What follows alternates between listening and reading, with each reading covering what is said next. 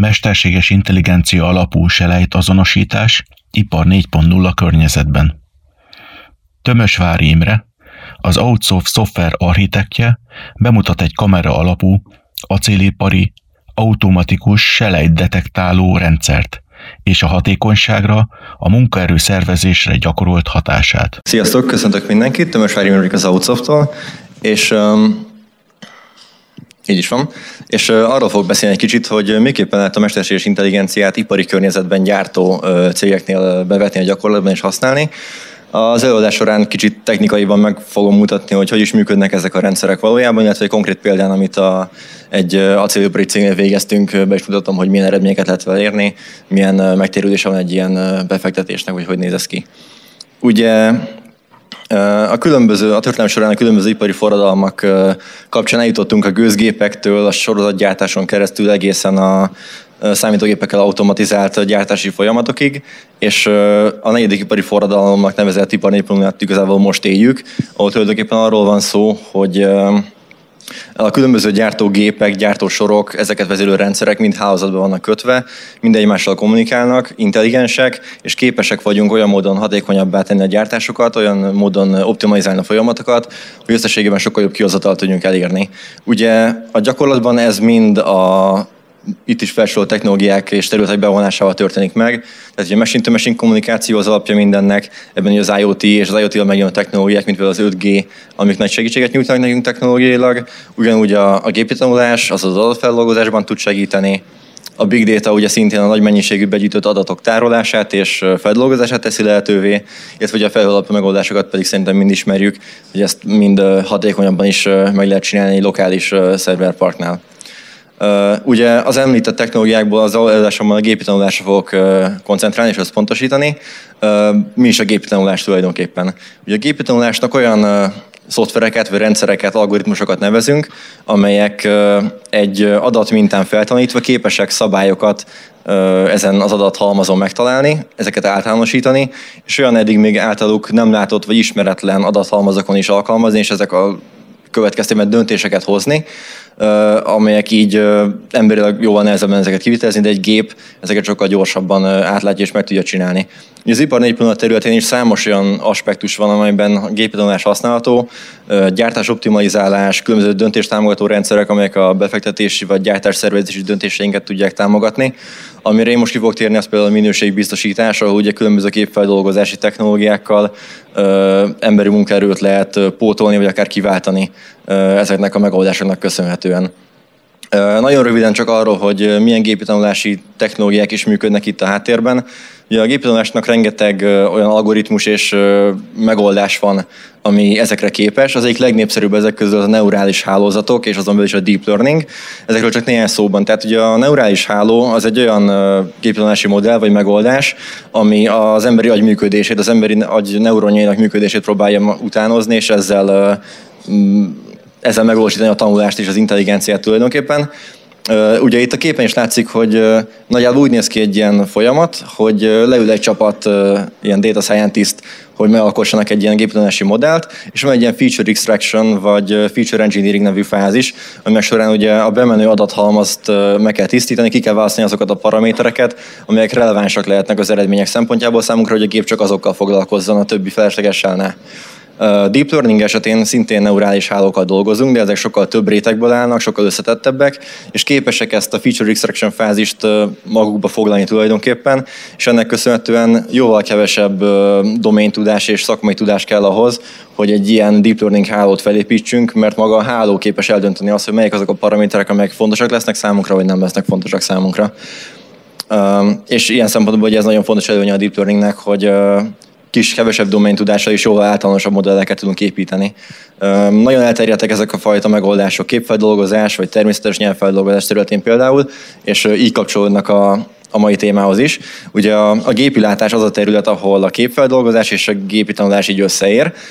Arról van szó, hogy vannak képek vagy videók, ez lényegben mindegy, hiszen a videó is képkockás sorozatából áll, amelyeken különböző objektumokat kell felismerni, vagy valamilyen módon követni. Ugye ezeket mind meg tudjuk oldani egy ilyen deep learning algoritmussal, lehet detektálni objektumokat, amikor felismerünk valamit a képen, egy macskát, vagy éppen egy autót, lehet ezeket osztályozni, különböző kategóriákba sorolni, mint szintén a képen autó, bicikli, stb. lehet őket követni, hogyha mozognak valamerre, illetve lehet szegmentálni, ami gyakorlatilag azt jelenti, hogy a körvonalukat felismerni és ezt követni. Ugye ennek rengeteg felhasználási ö, ágazata van az iparon kívül is. Ö, az arcfelismerés például egy olyan terület, ahol a deep learning nagyon széles körben használt. Az, az önvezető autók, ugye az előző képből lehetett rá következtetni, hogy ez egy nagyon fontos felhasználási terület, valamint a gyártósorok esetében, vagy gyártás tekintetében pedig a, a minőségbiztosítás az, ahogy egy, egy megfelelő kamerarendszerrel képesek lehetünk mesterséges intelligencia felhasználásával um, problémákat megoldani. Nagyon sok további uh, use case van, ami érdekes lehet, idősoros elemzések, csalásdetektálás például, illetve a prediktív karbantartást emelném még ki, ami szintén ugye az iparban egy fontos megoldás lehet. Itt ugye arról van szó, hogy különböző gépek vagy berendezések felszenzorozásával, monitorozásával képesek lehetünk prediktálni, megjósolni azt, hogy egy adott alkatrésznek vagy elemnek milyen karbantartás igény lehet a jövőben, mikor kellhet kicserélni, és ugye jelentős leállást, időkiesést lehet azzal megtakarítani, hogyha mondjuk egy kombányban előre tudom, hogy ki kell cserélnem egy, egy csapágyat vagy egy alkatrészt, és nem a mező közepén fog lerobbanni, ezzel kiesve ugye a termelésből vagy a munkából.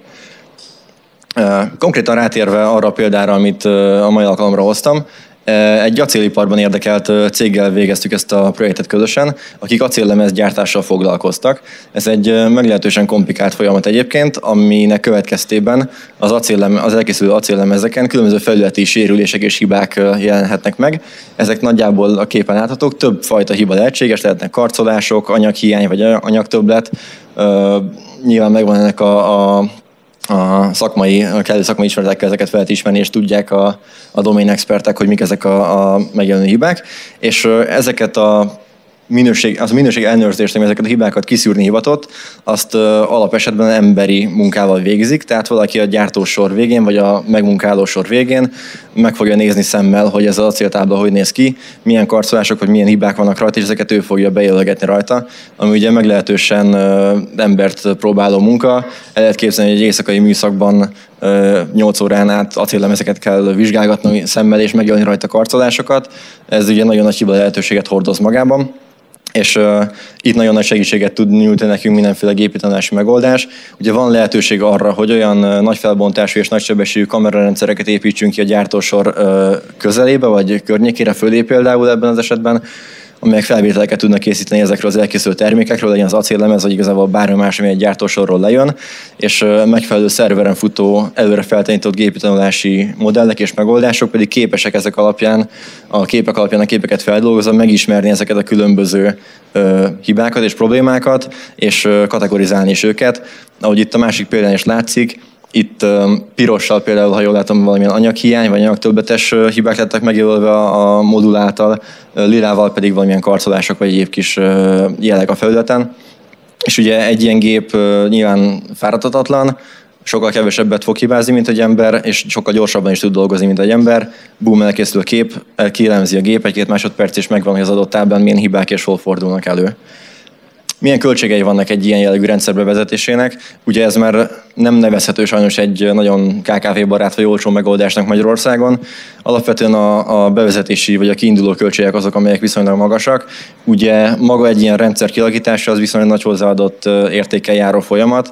Gépi tanulási szakértők, data scientistek kell, hogy dolgozzanak rajta, megfelelő mennyiségű adatot kell összegyűjteni, ezeket meg kell tisztítani, fel kell készíteni, a modelleket paraméterezni kell, tehát ez elképesztően munkaigényes és szaktudásigényes feladat tehát ez így viszonylag költséges lesz maga ez a szoftveres része is, de ugyanakkor egy ilyen projekt esetén, ahol ipari kamerákat, viszonylag erősebb szervereket kell használni, már a, a hardware költség is egy szemmel látható szám lesz, és nyilván van üzemeltetés, karbantartás, továbbfejlesztés, de ez ugye minden szoftverprojektnél jelentkezik általában, tehát nem emelném ki igazából különösen hangsúlyoznak, de ö, erre is figyelnünk kell. Milyen kockázatai lehetnek egy ilyen projektnek? Alapvetően három olyan terület van, ami problémás lehet. Az egyik az az adat. Ez minden data science vagy gépi projektnek az akilles arka igazából. Ha nincs elég mennyiségű vagy minőségű adatunk, akkor valószínűleg nem fog jól működni a projektünk, vagy nem lesz sikeres a projektünk. Ugye ahhoz, hogy egy ilyen modellt megtanítsunk arra, hogy mi az, ami jó és mi az, ami rossz, és ezt később fel tudjuk ismerni, elképesztően sok és változatos adattal kell táplálnunk és ellátnunk. Ugye nem véletlenül a Tesla is évek óta gyűjti a vezetési információkat, hogy folyamatosan csiszolja az autóinak az önvezető képességét és minőségét elképesztő mennyiségű adatra van szükség, tehát ez egy abszolút legfontosabb követelmény. Ugye egy következő pont, hogy az üzleti problémát megfelelően kell kiválasztani, ez szintén minden projektnél igazából fontos, nem feltétlenül specifikus, de mégiscsak egy, egy kulcsmomentum, hogy pontosan specifikálva legyen azt, hogy mit szeretnénk csinálni, és egy folyamatos validáció során ezt egyeztessük is mindig a, a megrendelői menedzsmenttel. Illetve a harmadik pont pedig a, a kompetencia kérdése. Ugye egyrészt a data science csapat részéről fontos, hogy megfelelően kompetens emberek legyenek részt a projekten, másrészt a domain oldalról is, hiszen egy acélipari szakember fogja tudni megmondani azt, hogy melyik arcolás számít hibának elemezni, és melyik nem, vagy ezeknek milyen a karakterisztikája, azt nyilván később már megismer az algoritmus, mert rátanul, de nekünk meg kell tudnunk jelölni, hogy ez egy hibás, ez meg egy jó kép. Tehát mindkét oldalról fontos, hogy megfelelő kompetens emberek legyenek a projekten, és ezek közösen tudjanak dolgozni azon, hogy megfelelő moduleket tudjunk kialakítani. Milyen megtérülése van egy ilyen projektnek? Um, tipikusan három olyan terület, tehát látunk, ahol a megtérülés jelentkezik, illetve előjön. Ugye ez alapvetően hosszú távon fog megtérülni nekünk, és az első ilyen pont az a, az a munkaerőnél látszik. Ugye a ma Magyarországon a gyártás területén legalábbis amennyire mi tapasztaljuk, elég nagy munkaerőhiány van. És ez egy olyan feladat, ami jól automatizálható, jó minőségben automatizálható és modernizálható. Így lehetőségünk van arra egy ilyen rendszer bevezetésével, hogy az eddig acéllemezeket nézegető emberek olyan más feladatot végezzenek el az üzemben, amelyet nem lehet így automatizálni, így jobban tudjuk optimalizálni a munkaerőt. Ha a munkaerő esetleg nincs is elég ember, hogy ezt a feladatot elvégezze, vagy elég műszakban végezze, szintén egy automatizált megoldás, ami embert nem igényel, szintén segítségünkre lehet. A másik ilyen pont, hogy mivel a gép valószínűleg gyorsabban és pontosabban tud dolgozni, mint egy emberi dolgozó, aki ezeket a termékeket elnőrzi a sor végén, ezért jobb kihozatallal, nagyobb hatékonysággal tudhatunk dolgozni és a, a harmadik pedig kicsit elrugaszkodva az eddig tárgyalt gépi tanulásos, képfeldolgozásos, géptanulás marad, képfeldolgozás nem marad, tehát különböző döntéstámogató rendszerek, vagy tanácsadó rendszerek, amelyek például üzleti döntések, vagy a gyártás optimalizálás, a gyár átszervezés, a gyártósorg átszervezésében tudnak segítséget nyújtani nekünk, szintén nagy hatékonyságnövelést hozhatnak egy, egy gyártócégnek a, a folyamatai során. Um, szerintem röviden így lesz volna, amit el szerettem volna mondani a az iparban alkalmazható mesterséges intelligencia és a tapasztalataink kapcsán, úgyhogy köszönöm szépen mindenkinek a figyelmet, és további kellemes délután kívánok!